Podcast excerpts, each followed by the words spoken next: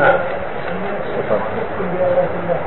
كذلك آيات الله إذا كان أرادها القرآن فلا بأس. إن كان أراد بها آيات الله اللي هي الليل والنهار والشمس ما يجوز لأنها مخلوقات أما إذا قال أقسمت بآيات الله أو أقسم بآيات الله يعني القرآن فلا بأس وإذا قال أقسمت بآيات الله أو أقسم بآيات الله يعني من الليل والنهار أو الشمس والقمر أو السماوات والأرض لا ما يجوز لأنها مخلوقات ومن آياته الليل والنهار والشمس والقمر نعم.